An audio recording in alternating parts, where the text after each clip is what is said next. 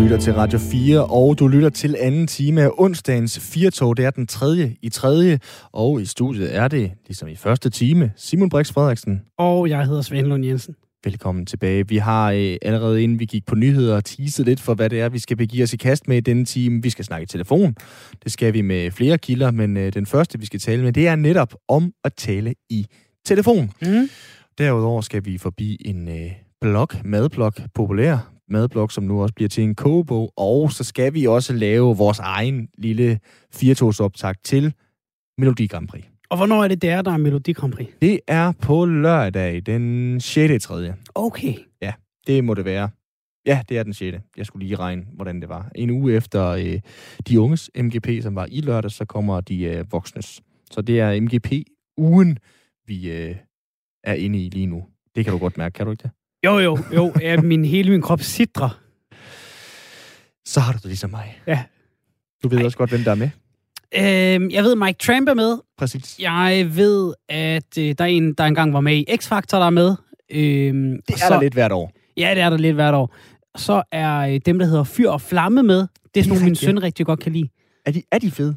Øhm, de, har, de, laver nogle fine, de laver nogle fine numre. Ja. Det er sådan meget, altså, man tror jo lidt, det er, altså, det er en joke, hvor de prøver at lade som om, de er i 80'erne. Det siger de selv, de ikke er. Øh, Jesper Groth, øh, skuespiller fra sådan noget sygeplejeskolen, hedder Ja. det vist, har han været med i. Også været med i uh, Stormester på uh, TV2, hvor Ja. jeg første gang i hvert fald uh, så ham sådan, og Det- kunne genkende ham. Jamen, jeg vil sige, det er ikke dårligt. Altså, Nej. det musik, det er, jo- det er, det er meget catchy i forhold, i forhold til, øh, at øh, det er helt nyt og så videre. Det bliver spændende at se. Monik, Monik. Altså, hvis, hvis andre børn på min søns alder er lige så vilde med dem, som min søn er, og ser dem over i skolen og sådan noget, så kunne det godt være, at man lige skulle smide en Mm. 10 pots på dem. Fordi Ja.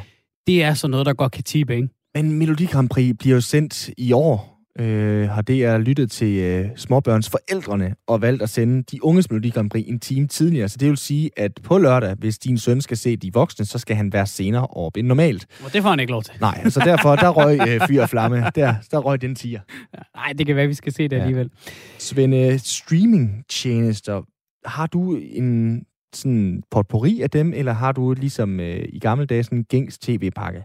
Jeg har, jeg har et par stykker, og det er egentlig mere, fordi så har jeg ville se et eller andet en gang, og så har jeg ikke lige fået Mm. sagt... Altså, jeg har nok lige en eller to for meget. Altså sådan Netflix, HBO, Netflix, øh, Viaplay, HBO. hvad de hedder ellers. Viaplay har jeg ikke, fordi det, det, det synes det koster alligevel for meget. Øh, og så har jeg, vi kørt Disney Plus ind over, fordi Ja, vi har klart. børn.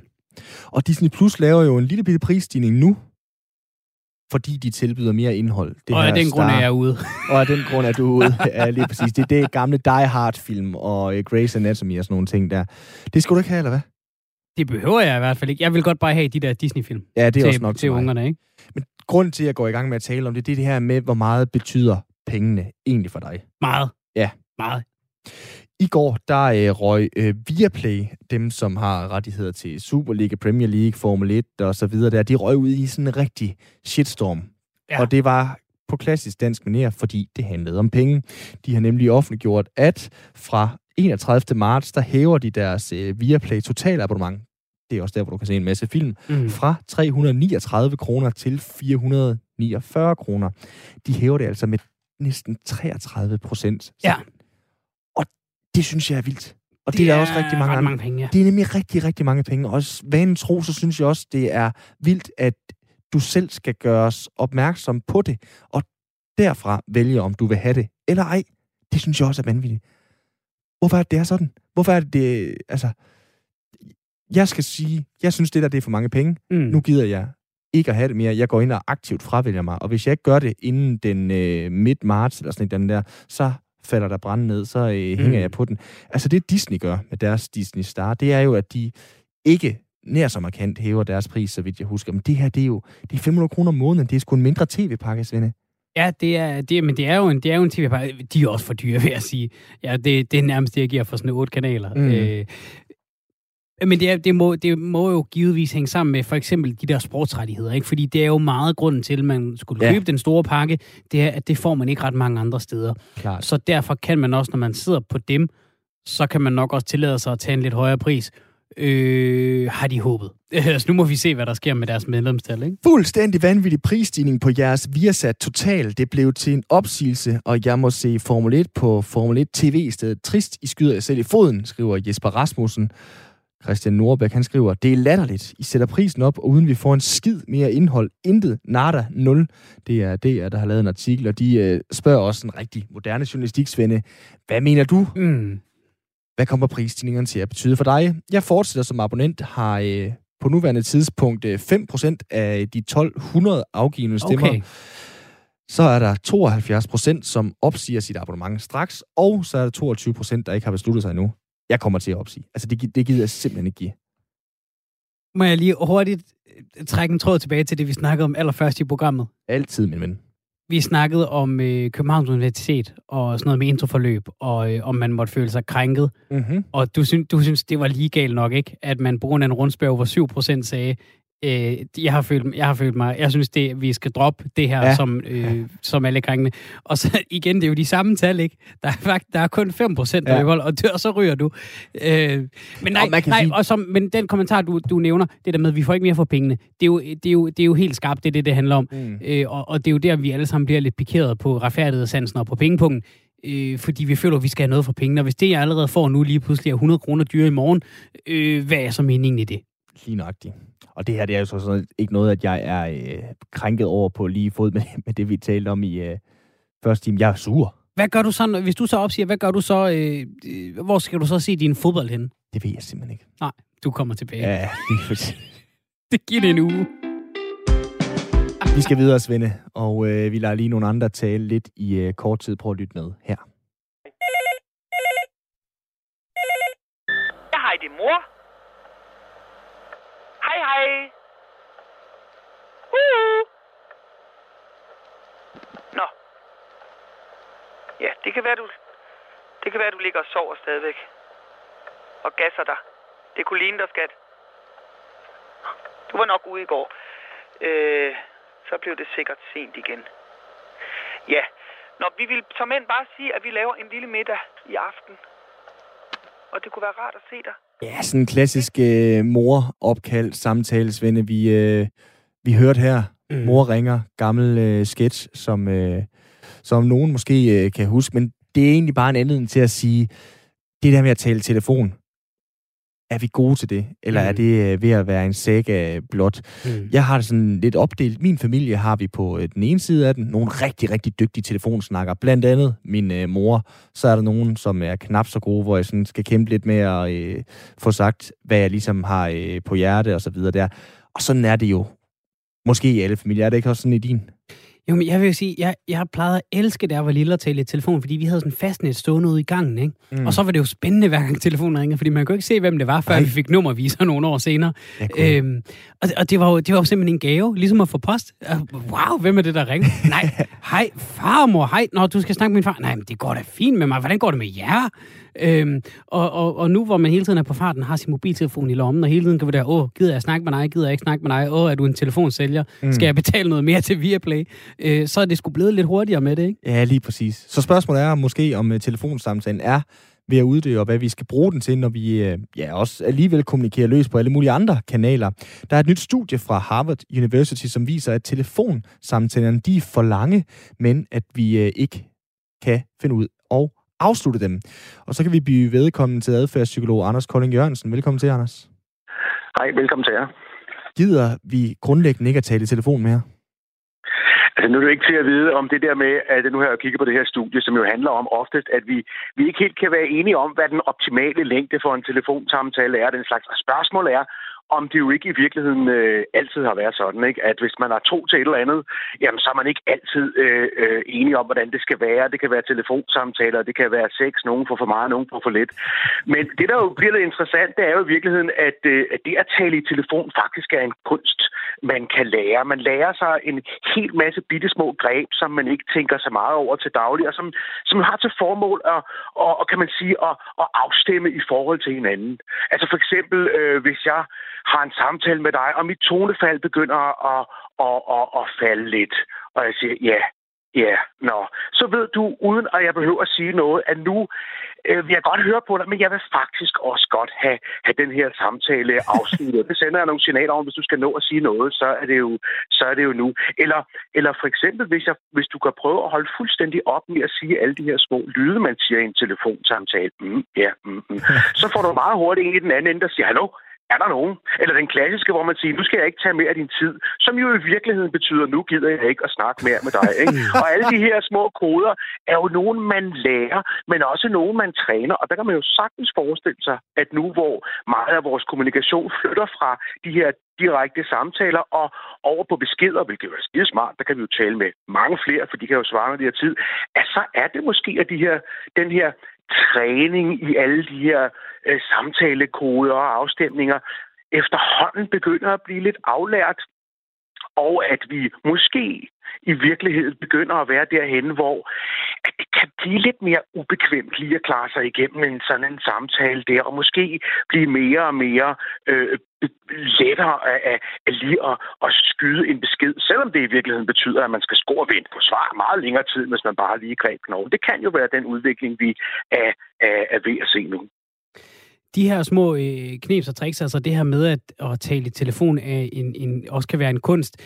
Er det fordi, vi ved mere øh, nu, og så kan sige, nej, men man burde måske gøre sådan her, eller, eller handler det mere om, at det er en, en kunst, vi lidt har tabt, altså vi har mistet evnen, fordi vi netop, som du siger, skriver flere beskeder, ligesom vi også øh, øh måske har mistet øh, kunsten at formulere os øh, så godt, som vi gjorde i breve i gamle dage? Og det ved jeg ikke helt lige, hvordan jeg kan svare på. Det var godt nok mange spørgsmål. Men hvis du tager en, der siger, altså, at ved mere, man kan sige, at de her regler, der er ved telefonsamtalen, er jo ikke nogen, vi lærer sådan bevidst. Det er jo bare sådan nogen, vi, vi lærer ved at lytte til hinanden og slags ting. Men, men der er jo sket et eller andet ved, at, at vi jo pludselig har fået sådan et øh, en, en rulning, hvor vi ruller hen til på den ene side, så har vi pludselig mulighed for at få kontakt med mange flere og gamle skolekammerater og folk, vi ellers normalt måske ikke vil give at snakke med. Men på den anden side, så kan al den kontakt faktisk ikke fungere, hvis vi skal ringe til alle de her mennesker og lige høre, hvad de har fået til aftensmad, så kunne vi jo ikke lave andet. Så der er sådan en bevægelse, hvor vi kan snakke med flere og flere, men det kræver, at vi flytter os fra de direkte samtaler over til de der små beskeder og opdateringer og posts, som vi kan kaste der ud, og som folk så bare kan reagere på, hvis de lige synes, de har tid, eller det var, det var spændende nok. Og det mest interessante her er jo faktisk, at det er det her skift, der gør, at vi er blevet så utrolig optaget af vores mobiltelefoner, fordi vi kommer ind i det her. Jeg har sendt noget, har jeg fået svar. Man åbner et loop, jeg har sendt noget. Er der nogen, der har svaret på det? Er der nogen, der har liket det? Har jeg fået svar på, om du kan noget i aften eller i morgen eller et eller andet? Så man kan sige, at, at uden beskeder og uden det her skift, så var der ikke noget at tjekke overhovedet. Og det er jo også derfor, at jeg nogle gange selv foretrækker bare at tage knoglen at ringe og få et svar og lægge det på igen. Fordi så skal jeg ikke vente. Så er det hele overstået øh, nu og her.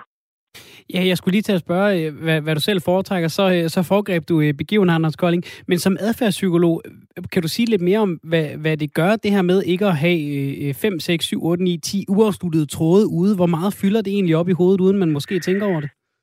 Altså, det, det er, øh, jeg vil sige, som sagt, en af de, eller ikke som sagt, en af de, jeg vil sige, oftest siger sådan, at en af de vigtigste grunde til, at du tjekker din telefon lige nu, det er måske noget, du gjorde for to timer siden, hvor du postede et eller andet, hvor du sendte en besked, øh, men også bare det at lave et opslag, fordi der er næsten ikke noget, der suger vores opmærksomhed så meget, som at have en uafsluttet samtale, du ikke har fået svar på.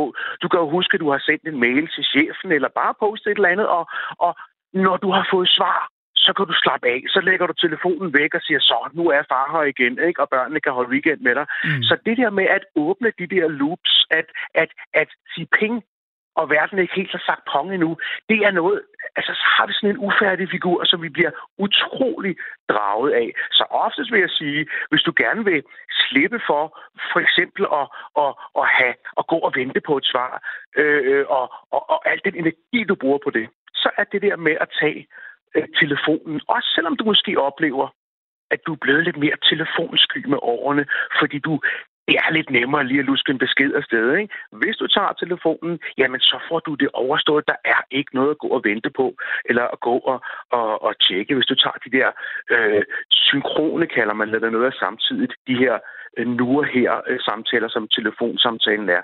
Så den kan noget, ud over selvfølgelig, at, at man kan høre hinanden. Man kan, man kan, det er bedre at lave en, en ny kontakt på en telefon, fordi du rent faktisk kan få etableret over for den anden, hvad for en person du er. Du kan lige høre på den andens små lyde og på den andens svar, hvordan du egentlig bliver opfattet. Og så er det jo nemmere at måske at fortsætte på beskeder bagefter, men telefonsamtalen kan stadigvæk det der, at, at det er lidt som at røre ved hinanden med stemmen, og, og, og, og man får altså nogle informationer med, om, øh, om, øh, om pauser, om øh, tonefald, øh, som man bare ikke får med på en øh, tekstsamtale, selvom de kan en hel masse ting. Du lytter til Firtoget på Radio 4, og vi taler om et nyt studie fra Harvard University, som viser, at telefonsamtaler er for lange, og vi kan ikke finde ud af at afslutte dem. Vi taler med, med dig om det, Anders Kolding Jørgensen, der er adfærdspsykolog. Anders, øvelse gør mester. Kan vi øve os i at håndtere de her uafsluttede samtaler bedre? Altså, kan vi øve os i at være bedre til at lægge uafsluttede samtaler væk og ikke lade dem forstyrre? Altså, ved de uafsluttede samtaler, det er jo dem, der ikke er telefonsamtaler, det er jo beskeder. Og der vil jeg selvfølgelig sige, at, at i virkeligheden kan vi jo måske spørge os selv, om en besked, du er ved at sende, i virkeligheden er den pris værd, at du de næste to timer efter du har postet en solnedgang i et land, hvor alle mulige andre ser stort set den samme solnedgang, at de der to timer efter, hvor du hele tiden lige skal ind og tjekke, hvad du har fået tilbage. Ikke? Øh, øh, øh, man kan jo spørge sig selv, om det er det værd. Så reglen er, at hvis du poster mere, så tjekker du mere. Og, og, og, og når man bliver opmærksom på det, så kan man måske sige til sig selv, at, det, at der er nogle af de der beskeder, altså for eksempel, så sender jeg lige en mail til chefen om fredagen. Ja, men hvis han nu er sådan en, der kunne finde på at svare i weekenden, så er din weekend jo bare optaget af, at du går og glor på din, øh, din e-mail og din telefon hele tiden. Altså vær, simpelthen bare være opmærksom på, at prisen for at sige ping og sende noget ud, det er, at du bliver, oftest bliver utrolig optaget af, hvornår verden lige får sagt pong og få lukket det her, det her øh, øh, samtale-loop, som man må er. Det er jo et kæmpe spejl, du holder op for mig i den her samtale, vi har lige nu, øh, Anders. På, øh, det tænker jeg at også, der er mange lytter, der kan genkende sig selv i på en eller anden måde. De her, øh, også bare de her måder, vi skubber på i samtaler på. Mm, ja, mm. Eller øh, bliver mm. folk af med at sige, nå, nu skal jeg ikke tage mere af din tid. Ja, Anders, den er den bedste. Du siger, at det er en kunst at snakke i telefon. Helt grundlæggende, tænker du, der er blevet færre kunstnere så? Altså, øh, telefon har jo faktisk øh, udviklet sig gennem tiden. Nu skal vi lige tilbage til Aries tid. Det kan vi lige nå hurtigt, indtil du begynder at sige, nu skal du ikke tage mere af min tid. Øh, man faktisk startede telefonen tilbage omkring år 1900 med at være en, hvor du bare grøntede en besked øh, til en mekaniker eller til din købmand, og, og det var overhovedet ikke et socialt værktøj. Det blev det først, da teleselskaberne begyndte at tage penge, tage, at tage minutpris, øh, tage betaling per minutpris på de her samtaler. Så var de pludselig interesseret i, at vi skulle begynde at have social sociale samtaler, og det var faktisk noget, vi skulle lære og blive opfordret til, og har du talt med dine børn og dine bedsteforældre og den slags ting. Så man kan sige, at, at samtaler har ikke altid været sådan, så det er også meget naturligt, at på et tidspunkt, så, så vil de øh, flytte sig over på nogle andre øh, medier og sådan ting. Jeg tror stadigvæk, at samtalen kan nogle ting, øh, men oftest vil det nok også være sådan, at nogle af de ting, samtalen kan, med at man snakker med, med, med mormor, måske kan gøres endnu bedre med et videoopkald, hvor man også kan se hende og den slags ting. Så, så jeg tror, det er helt naturligt, at ting øh, ændrer sig. Men jeg kan godt lide telefonsamtaler og vil nok blive ved med at have dem øh, resten af min tid. Ja, nu nævnte du... Fordi de også, ja, ja endelig. Især fordi de jo også er lidt mere miljømæssigt smart at tage en telefonsamtale, end at skulle brænde en hel masse strøm af på også at have, have sit kamerabillede med, som vi også har set nogle undersøgelser, der viser, må jeg spørge, eh, Anders Kolding, som, som så en, der godt kan lide at, øh, at tale i, øh, i telefon. Nu har vi talt lidt om, hvad man så siger, når man gerne vil ud af et opkald. Er der nogle gode tips til så at blive bedre til at tage de opkald, altså komme ud over den der øh, telefonskyhed, man måske måtte have tillagt sig øh, de senere år? Altså, hvis man nu ved, at man øh, øh, synes, at det kan være lidt kajtet at komme ud af de her situationer, så er det ikke så vigtigt, hvad man siger. Man kan bare forberede et eller andet, og mange af os bruger jo små løgnhistorier, ikke? Nå, men jeg skal videre, og jeg er travlt optaget af et eller andet. Det er du ikke. Men så har vi en undskyldning, som vi kan komme ud af med. Ikke? Og, og, og, og ellers er det jo altid lidt, lidt ubehageligt. Der er jo altid der er jo en, en lille spænding i, at du gerne vil tale med mig, men nu gider jeg egentlig ikke at tale med dig. Så den kommer vi jo aldrig helt udenom. Men der er jo heller ikke noget galt i, at vi har vores små sociale tricks, og ligesom når vi siger til folk, at deres kjole er pæn, eller de ikke er tykke i de bukser, eller alle de der ting, for, fordi det alligevel er det smarteste at sige i situationen. Så, øh, så, øh, så ja. Du fremstiller os ikke som sådan det mest sympatiske væsen, os mennesker, Anders. Nej, det er måske fordi, jeg, jeg ved for meget. Jeg synes ikke, der er noget galt i, en, en, en, øh, at vi kommer med en lille øh, nødløgn eller sådan noget. Det er jo bare det, vi i mm. virkeligheden gør. Det kan man lide eller ej. Øh, det bliver vi jo ikke til, til onde mennesker af. Og det er jo virkelig utrolig hensynsfuldt. Ikke at sige, jeg gider ikke snakke med dig mere, men sige, at nu kommer mine gæster, eller jeg skal ud med hunden, eller noget andet vigtigt. Så det er måske da i virkeligheden utrolig sødt og, og, og venligt og hensynsfuldt også, ikke? Anders Kolding, som adfærdspsykolog, der kommer jo hele tiden masser af studier, hvor der er blevet undersøgt et eller andet stort eller småt, og så kan man sige, som med det her Harvard-studie, måske er vi dårligere til at tale i telefon og, og regne ud, hvornår hinanden vil ud af samtalen. Øh, så nogle studier her, at giver det mening for sådan en som dig? Altså er det fedt, eller er det sådan lidt fjollet, at vi ringer og vil tale med dig om det? Altså burde, burde man i, i stedet kigge sådan et andet sted hen? Er det her sådan en underlig delkonklusion? Altså, sådan et studie her, at der, der, der stiller man jo til spørgsmål og siger, hvordan var det før? Har det nogensinde været sådan, at vi telepatisk var i stand til at stille ind på hinanden og kunne stoppe telefonsamtalen 100% på et tidspunkt, hvor begge to var interesserede? Det tror jeg aldrig. Så ja, mange studier er øh, øh, noget, noget, noget bras, som, øh, som har fået et eget liv i, i, i, i pressen, på grund af, at de har en, en smart presseafdeling på et universitet, som har vinklet et eller andet øh, skarpt vinklet alt for meget. Så der er mange, der er, der er dårlige. Men jeg synes, og grunden til, at jeg, jeg bed på den her, var jo ikke, at studiet var særlig godt, men fordi jeg synes, det var en anledning til, at vi lige kunne reflektere over, hvad der var ved at ske med os, når vi nu alle sammen måske synes, det er lidt nemmere øh, øh, øh, at lige at sende en besked øh, og, og det her skift, og, og, og måske ikke er så opmærksom på, at det så indebærer, at vi så skal rende og tjekke forsvar hele tiden, og hvor det nogle gange kan være nemmere med den her øh, telefon. Så er i hvert fald en anledning til at, at tage noget med, som jeg synes er, er et aktuelt og spændende skift, som, som foregår i vores samfund lige nu.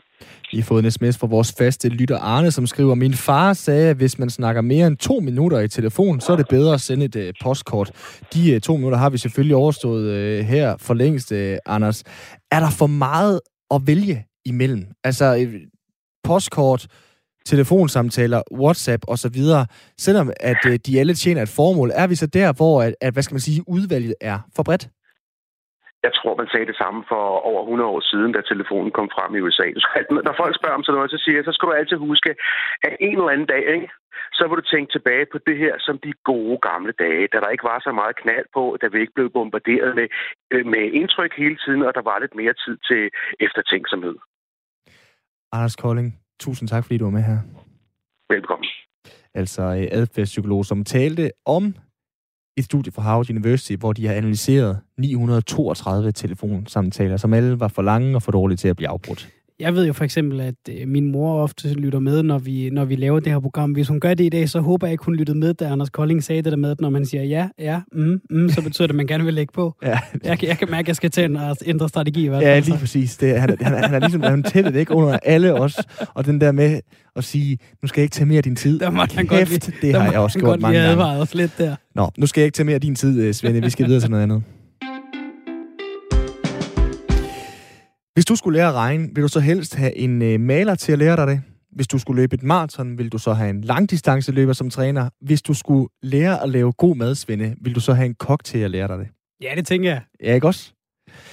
Vi skal tale om den her madblog, Mum Mum, som øh, to nordiske piger har startet, hvor de øh, selv laver hverdagsmad, tager nogle skide gode billeder af det, og så deler de det på øh, Instagram. Og det er ligesom gået fra sådan et øh, hobbyprojekt i en taglejlighed, til nu at have flere end 170.000 følgere, som følger med i deres madopskrifter og øh, deres øh, retter, som de øh, lægger op. Og nu så kommer de så som en bog.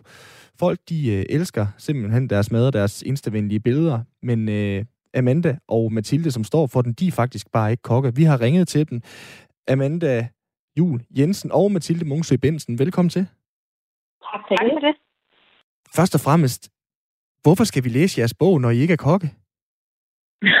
Jamen, øh, det er et godt spørgsmål. Ja, Man kan sige, at øh, vi har altid arbejdet sammen. Øh, de sidste 10 år har vi arbejdet med mad, så selvom vi ikke er uddannet kokke, så har vi alligevel en basisviden inden for madlavning.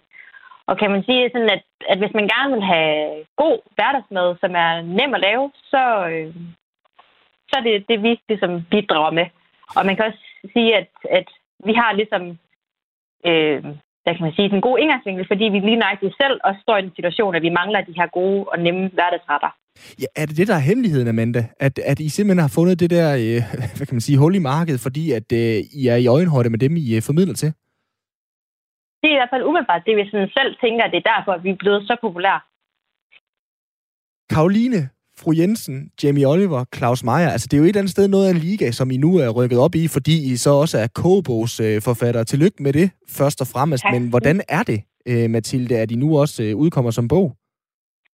Jamen, det er da stort. Det er da rigtig stort, og, og det er noget, vi har set meget frem til. Det har jo taget nu, kan man sige, det har taget fire år at overtale os til det.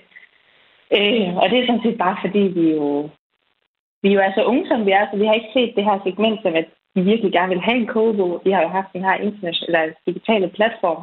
Og det har vi troet, det var nok. Så, så det er stort endelig at komme med en kogebog.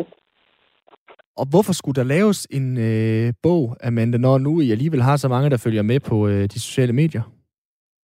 Jamen, det var egentlig, fordi vi oplevede, at, at rigtig mange, især den lidt ældre generation, de ville rigtig gerne have opskriften øh, liggende foran dem, og ikke skulle finde den frem på en telefon eller på en tablet. Så altså, de vil gerne have den på den gammeldags måde, hvor der er, at man ligesom øh, kan bladre, og den mm. kan blive på siden osv. Ja. Helt lavpraktisk, men er det, er det en øh, best-of, kan man sige, af de øh, mange opskrifter, I har på, øh, på Mummums Instagram-side, eller, eller har I lavet nye opskrifter øh, til bogen? Altså, det er, øh, vi har taget de allerbedste fra vores øh, hjemmeside, og så har vi tilføjet en masse nye opskrifter også, så man får øh, begge dele. Hvordan øh, kommer I på øh, opskrifterne? Øh, er det noget, jeg står I selv ligesom øh, og, og, og finder frem til? Nu er jeg inde på jeres, øh, på jeres øh, hjemmeside. Der er en chokoladekage med kaffecreme. Øh, der er TikTok feta pasta. Det har jeg lige godt ikke hørt om øh, før. Øh, der er også, jeg kan se, der, der får I så også øh, point for, øh, for, hvad kan man sige, at, at brede en enkelt opskrift ud til flere forskellige ting, fordi der er både yoghurtboller, gulerodsboller og yoghurtboller med gulerod. Øh, hvordan, hvordan kommer I på de forskellige opskrifter? Jamen, man kan sige, at vi dagligt får jo en masse inspiration, både på restauranter, dog ikke lige nu, øh, og så gør vi det selvfølgelig også på sociale medier i form af Pinterest og ja, Instagram, når man surfer rundt. Øhm, og derudover så tager vi også ofte udgangspunkt i, jamen, hvad for nogle opskrifter har vi allerede, og kan man videreudvikle på dem? Kan man lave nogle andre varianter? Kan man tilføje noget og tage noget fra? Og, og på den måde så ja, videreudvikle sit univers. Så på den måde får vi i hvert fald inspiration Ja, I er jo gået fra 0 til ikke bare 100, men 0 til 170.000 følgere kommer altså nu med en, øh, en bog med i første omgang 4.000 øh, bøger i oplag, og så øh, helt op til, til 10.000. Altså, hvordan startede I det her øh, projekt, Amanda? Jamen, øh, det startede egentlig med, at vi har begge to, øh, eller Mathilde gør stadigvæk læst på universitetet. Og så manglede vi lidt et, et projekt at gå op i. Øhm, så jeg spurgte Mathilde for dengang fire år siden, om vi ikke skulle øh, åbne en restaurant. Altså, det, det var selvfølgelig sagt lidt sjov, men, men vi manglede ligesom et eller andet at gå op i. Og så blev vi enige om, at vi gerne ville dele ud af nogle opskrifter, fordi vi lavede begge to rigtig meget mad.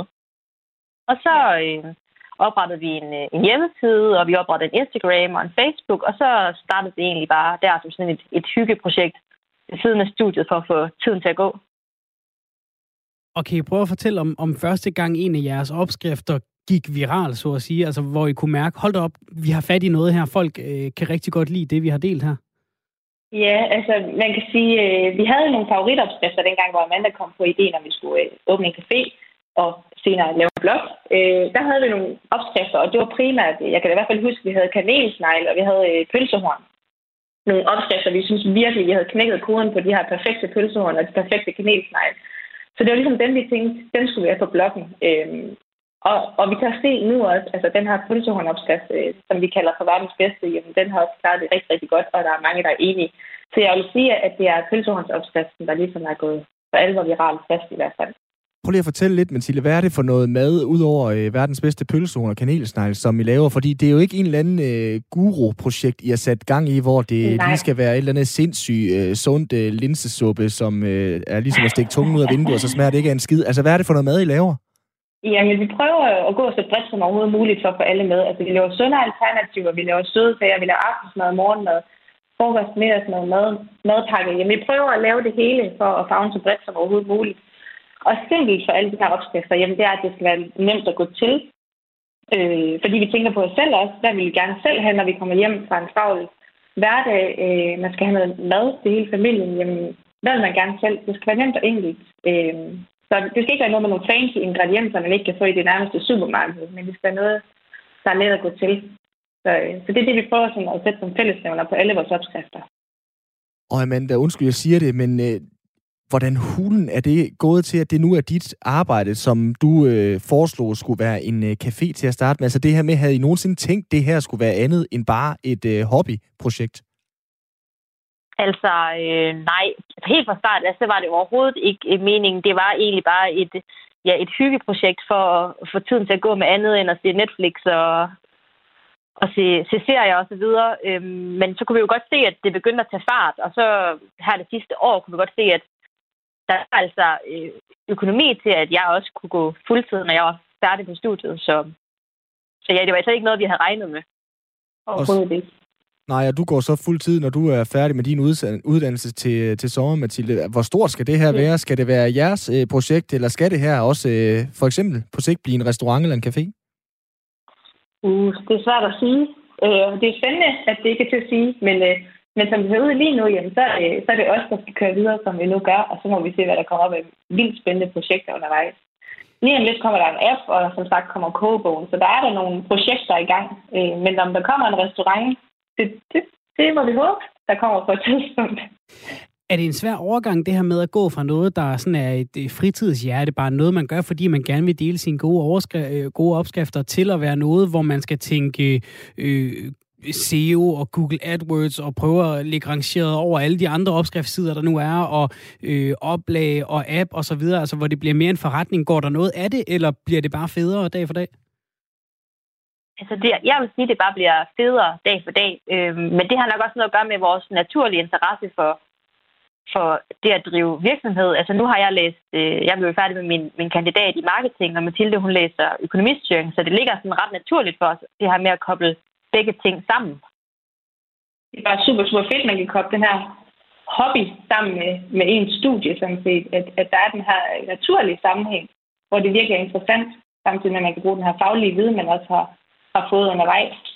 Ja, nu fortæller I jo øh, og teaser lidt selv her for lytterne, at, I, at jeres baggrund jo, som vi også er inde på, jo ikke er øh, kokke, selvom I altid har lavet meget mad, men måske er, med er at, at kunne bygge en, en virksomhed. Hvor meget har I kunne trække sådan på det i forhold til sådan væksten, uden at det skal blive sådan helt løvens hulagtigt, men hvor meget har I ligesom kunne bygge det her, øh, ud fra hvad I har med fra jeres uddannelser? Det er nok svært at sige sådan konkret, hvad det er, der har, der har hjulpet os undervejs, men vi, der er ofte, hvor vi sidder og kigger på hinanden, at, at øh, vi kan se, at vi gør noget, der er rigtigt, og det må være, fordi vi har lært noget igennem studiet, og især, som Amanda sagde, med international marketing, jamen det ligger jo så nært op af det, vi sidder og arbejder med hver evig eneste dag. Så jeg tror sådan helt indirekte, at der er virkelig meget, vi har med i bagagen.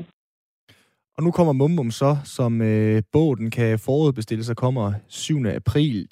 Mathilde, først dig. Din egen favoritopskrift i øh, bogen, som man først skal bladre op på? Åh, uh, ja. Mm, det, må, det må blive verdens bedste pølsehorn, som jeg sagde lige før. Det er favoritten, og den skal man altid have lige ved hånden, når man er i køkkenet, ifølge mig. Så ja, verdens bedste pølsehorn. Og hvad med dig, Amanda? Har du noget mere eksotisk end pølsehorn? øh, ja, så må det blive vores øh, kartoffelpizza med øh, en koldhed øh, pizzabund og øh, mascarpone og tynde kartoffelskiver og frisk øh, rosmarin. Ah, Det lyder altså også meget godt. Jeg tror, jeg skal, jeg, tror, jeg skal prøve de der øh, pølsehorn til, til næste børnefødselsdag. Øhm, prøv, at- kan det give nogle problemer i familien? Fordi det kan jo ofte godt være forbundet med en vis prestige at være den i familien, der ligesom har bukserne på i øh, køkkenet, eller forklædet på, så at sige, og øh, være den, der har de klassiske opskrifter. Er der nogen af jer, der er kommet på kant med mødre eller bedstemødre nu, hvor I skal til at udgive en, øh, en kogebog, og, og altså lidt blander jer i hierarkiet måske? Nej, tværtimod vil jeg næsten sige. Jeg havde en søster, der slet ikke var glad for at lave mad øh, førhen, og havde slet ikke mod på det, og nu står hun i køkkenet der evig eneste dag, så jeg vil sige, at, øh, at det er jeg vendt til noget positivt. Men der er ikke direkte konkurrence eller noget endnu. Godt solgt. Det betyder jo, at alle de kan lave det mad, der er i uh, jeres uh, kogebog. Amanda og Mathilde, tillykke med bogen, og tusind tak, fordi I gad at være med her. Tak for det. Tak for det. Svende, kartoffelpizza. Er du til sådan noget? Det smager fint, men det, det er sjældent den, jeg vælger, vil jeg sige. Jeg skulle lige sige, jeg, jeg springer altid på den med, med kød i strimler, kød i skiver, kød Du putter tern, bacon i din spaghetti bolognese. Det havde jeg godt gættet, at du er sådan en meat lovers kind of guy. Der. Men øh, jeg glæder mig til, at du tager øh, pølsehorn overskud med fra øh, næste børnefødselsdag. Det skal jeg gøre. Du skylder stadig en John Dillermand træstamme, så vi kan lave en byttedag.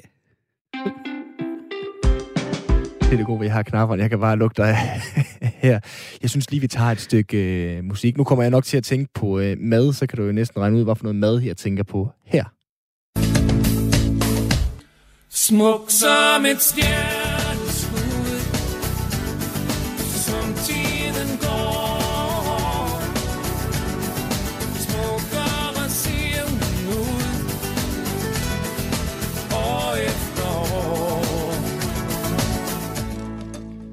Olsen Brothers. Dengang de stadigvæk bare hed Brødrene Olsen.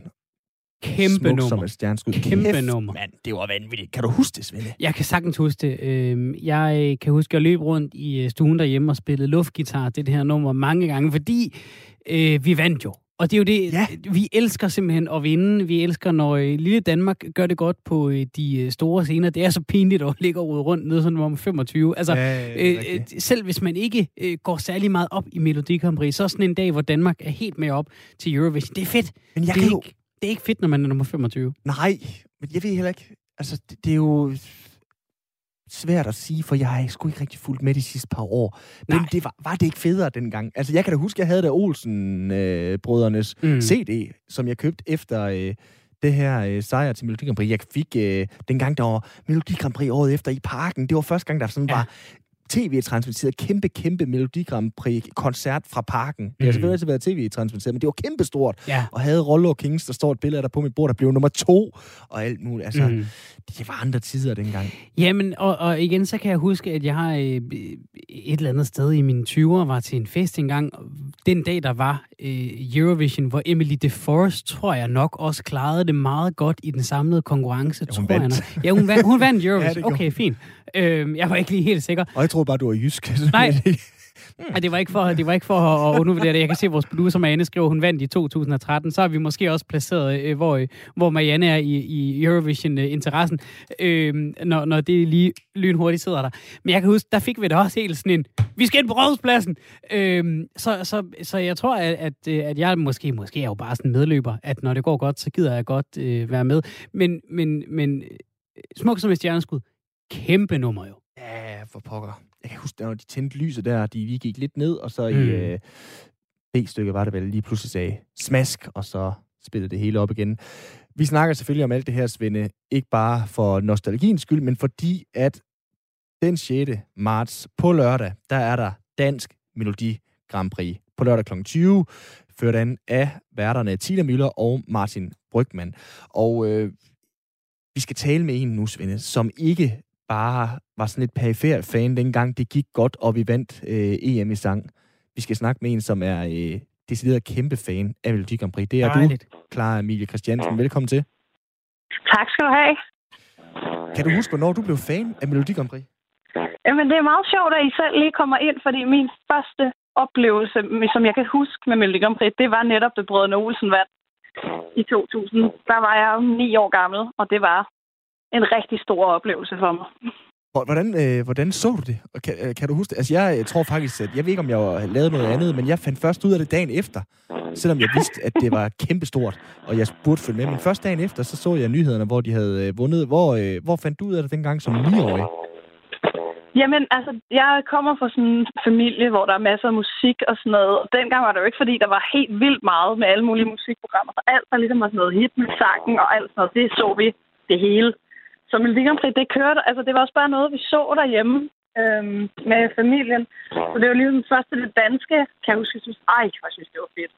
Og så til Eurovision, jeg, jeg kan ikke huske, at vi vandt. Jeg er jo nok faldet i søvn inden, at øh, de ligesom har vundet. Men jeg kan bare huske den der med det der store show og kjoler og lys. Og ej, jeg var helt, jeg var helt færdig. Er det stadigvæk fedt? Helt ærligt. Det er, det er stadigvæk sindssygt fedt. Og Det klar, er det. Og klar, inden vi lige hører om det, kan jeg lokke dig til måske lige svinge telefonen over hovedet en gang, eller, eller lige bevæge dig lidt, øh, fordi det lyder lidt som om Noller, han står og prøver at spille smuk som et stjerneskud på din telefon en gang imellem. Der kommer Ja. lidt nogle udfald på linjen. Ja, jeg er jo, øh, jeg befinder mig jo i Göteborg. Så Ah, det kan, det kan være, det er derfor. At, øh, Det kan være, det er derfor. Det, er, At det må være driller lidt. svenskernes skyld, ikke? Prøv at høre, vi, øh, vi fortsætter så godt vi kan, Clara Male Christiansen. Øhm, hvad er det, der gør, at det stadig er fedt? Jamen, altså, jeg tror for mange, altså man skal være lidt til den der æstetik, ikke? Fordi det er jo så meget over the top. Men det er også det, der gør det så sindssygt sjovt. Og jeg synes jo, at noget af det, der er interessant, er konkurrenceelementet. Jeg er jo en rigtig konkurrencemenneske, så jeg synes, det er mega spændende.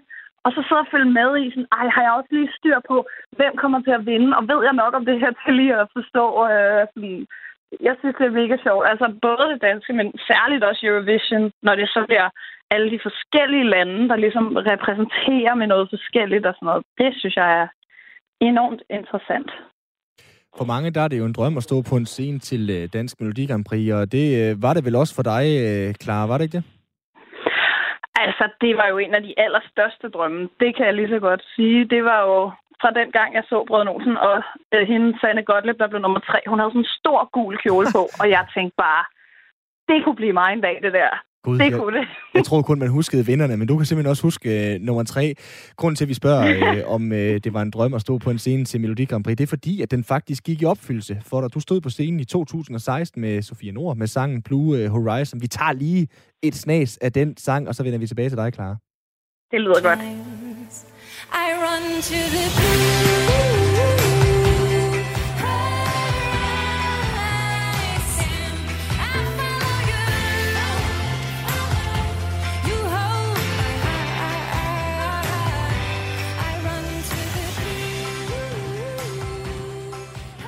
Hvor godt et minde er det her?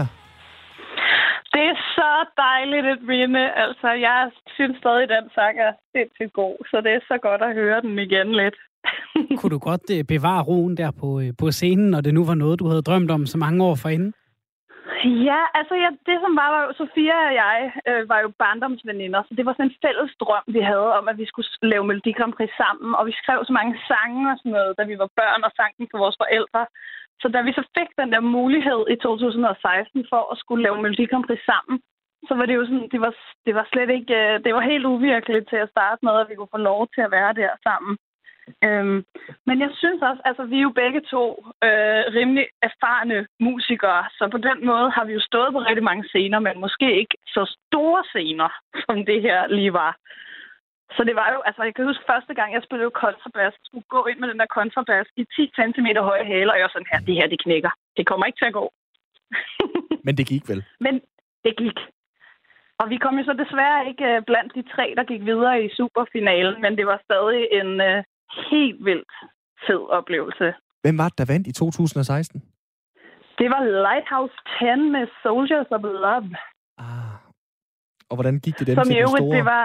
Ikke så godt. Det gik ikke så godt for dem, Okay. desværre. De kom jo ikke øh, videre fra øh, semifinalen til finalen. Så det var jo lidt ærgerligt. Vi har Men det var ret tydeligt, når man var derovre. Altså, vi gik alle sammen og havde den sang på hjernen hele tiden. Så vi var Mm. sådan her. Sådan kommer det jo også til at blive for dem, der sidder og ser det. Mm. Men Er det klassikeren, øh, klart? Er det det med, at det, det er den, du øh, bedst kan huske, og øh, sådan mest øh, poppet kan synge sådan lidt med på, og som deltagerne måske så også går og nynner backstage? Er det den, der vinder altid? Altså, nu har jeg jo haft noget med det her sådan at gøre inden i, øh, altså behind the scenes, eller hvad man siger, i, altså i 16 og så igen i 19, hvor jeg sad i juryen. Øhm, og det har været, altså det har været vindersangen, som jeg i hvert fald personligt har gået og haft i hovedet hele dagen. Så jeg tror, det er jo lidt det der med, når det, når det bare kører, når man bare sådan her, den her sang, den husker jeg fra første sekund, så har man også lyst til, det er jo, menneskehjernen kan jo lide repetition, så vil man gerne høre den igen så stemmer man på den.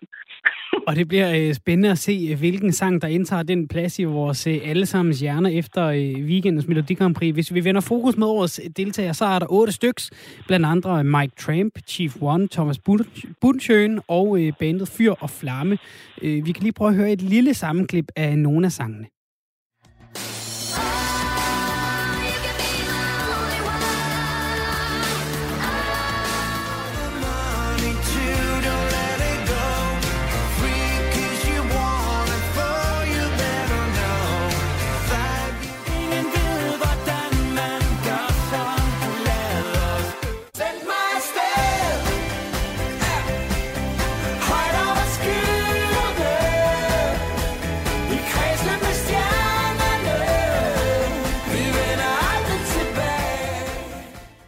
Du lytter til øh, 4 på Radio 4. Vi taler om øh, Melodikampri, fordi der er Dansk Melodikampri i weekenden. Det er på lørdag. Vi taler med Clara Amalie Christiansen, der er kæmpe fan, har siddet i juryen i, i 19, øh, har selv øh, deltaget i, i 16 og er lige nu i, øh, i Göteborg øh, og, og med på en telefon.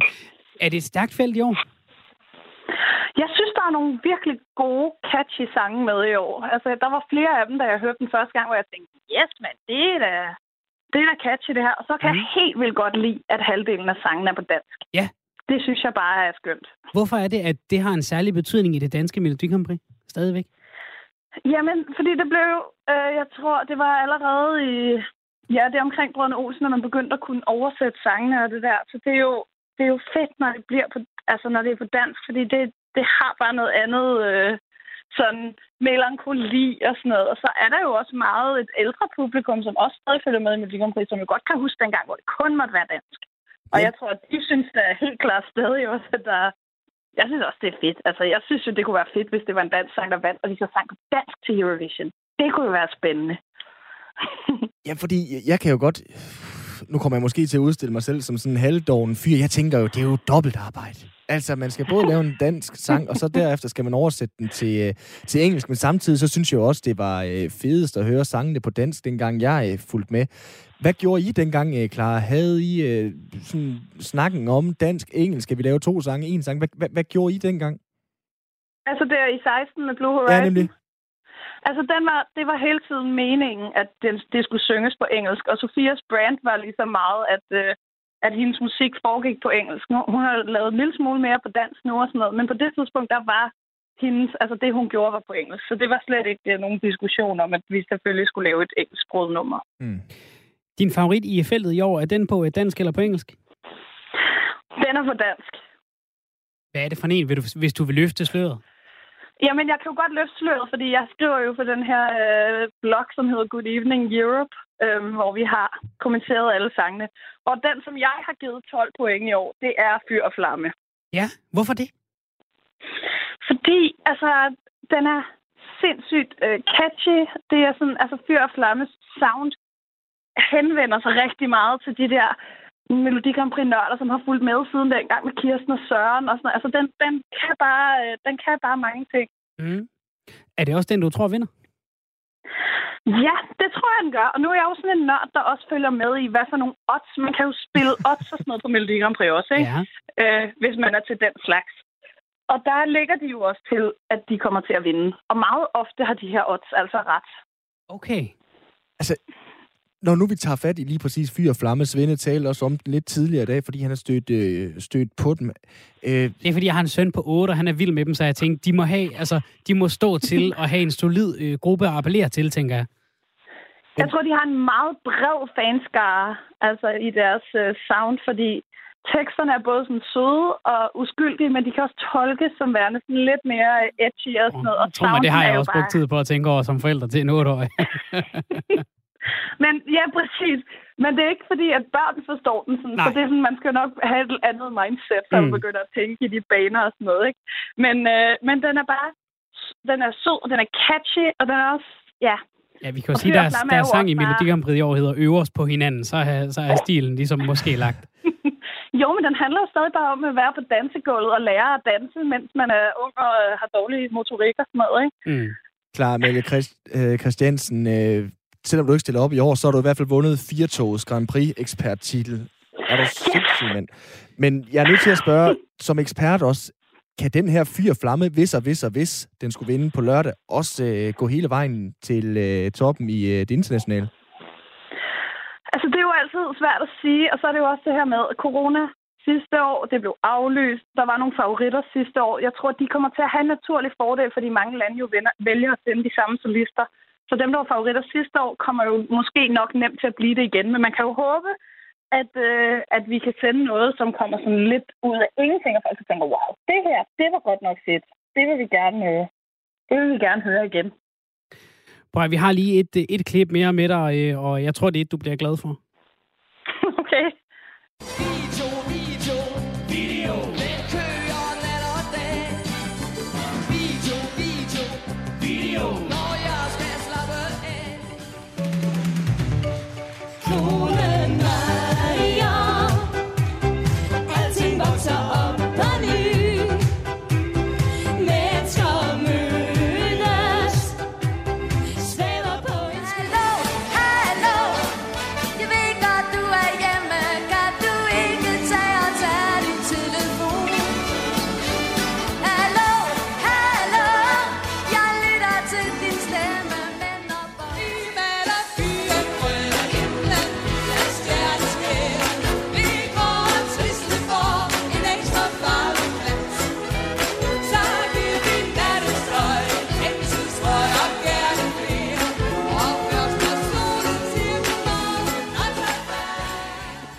Nogle af de helt store, legendariske Melodi Grand Prix-sange. Helt øh, kort her til sidst, øh, Clara Amalie Christiansen.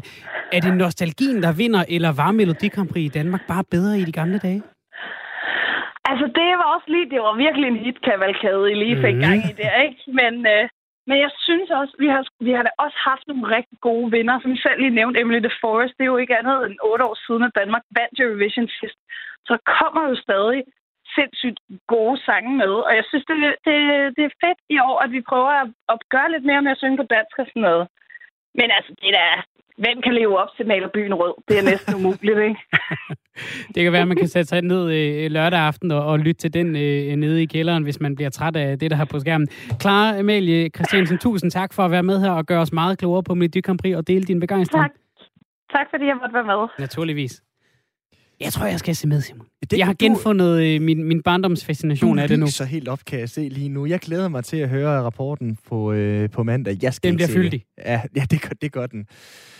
Vi har ikke rigtig mere på programmet i dag, øh, Svende, så øh, lad det sidste stå, at øh, vi maler byen rød, og i morgen der kører firetoget igen. Så jeg tænker da bare, at Svende Lund Jensen, Simon Brix Frederiksen siger rigtig god fornøjelse med det næste, som er på Radio 4 her i Radio, aften. radio. Radio. Du lytter til Specialklassen.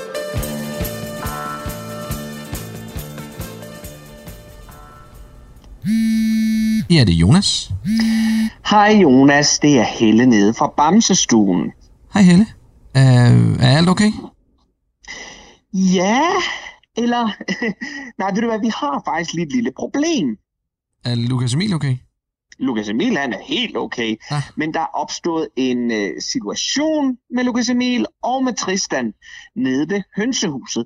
Og den, som jeg simpelthen er nødt til, at vi lige øh, tager fat om her med det samme. Nå for søren. Okay, hvad, hvad er det så?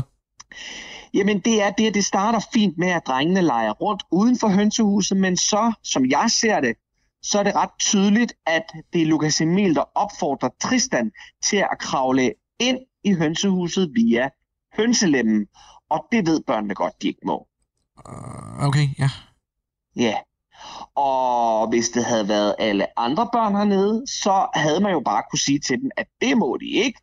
Og så havde det jo også været fint med det. Men når det lige netop er Tristan, som Lukas Emil får lukket til at kravle ind, så har vi altså et stort problem. Okay. Hvor, hvorfor er det et særligt problem, bare fordi det er Tristan?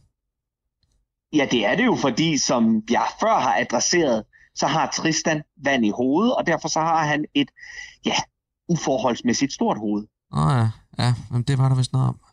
Ja, det er der. Og det er noget, som vi har gjort rigtig meget ud af, at alle børnene hernede er klar over, men også, at det er helt naturligt, og at det ikke er noget, vi behøver at tale mere om. Nej, okay. Mm. Men Lukas Emil får altså lukket Tristan til at kravle ind i hønsehuset Ja. af hønselemmen. Og nu sidder Tristan sig fast med hans hoved, fordi det er så stort. Nå for søren. Ja, for søren. Øh, men I har fået ham ud igen, eller hvad? Altså, vores pædagogmedhjælper Loke tænkte hurtigt, og så hældte han noget håndcreme bag ørerne på Tristan, og det hjalp faktisk til, at vi kunne få, lige få smuttet ham ud. Okay, det var godt. Mm. Men det er også bare lige for, at du er opmærksom på, at du måske lige skal tage en snak med Lukas Emil om Tristans hoved. Altså, det gør vi i hvert fald herfra. Okay, jamen det, det gør jeg, Helle. Mm. Det er godt. Tak for det. Ja. Ja, men selv tak. Alt for børnene. kan du have det godt, Jonas? Ja, hej. Hej, hej.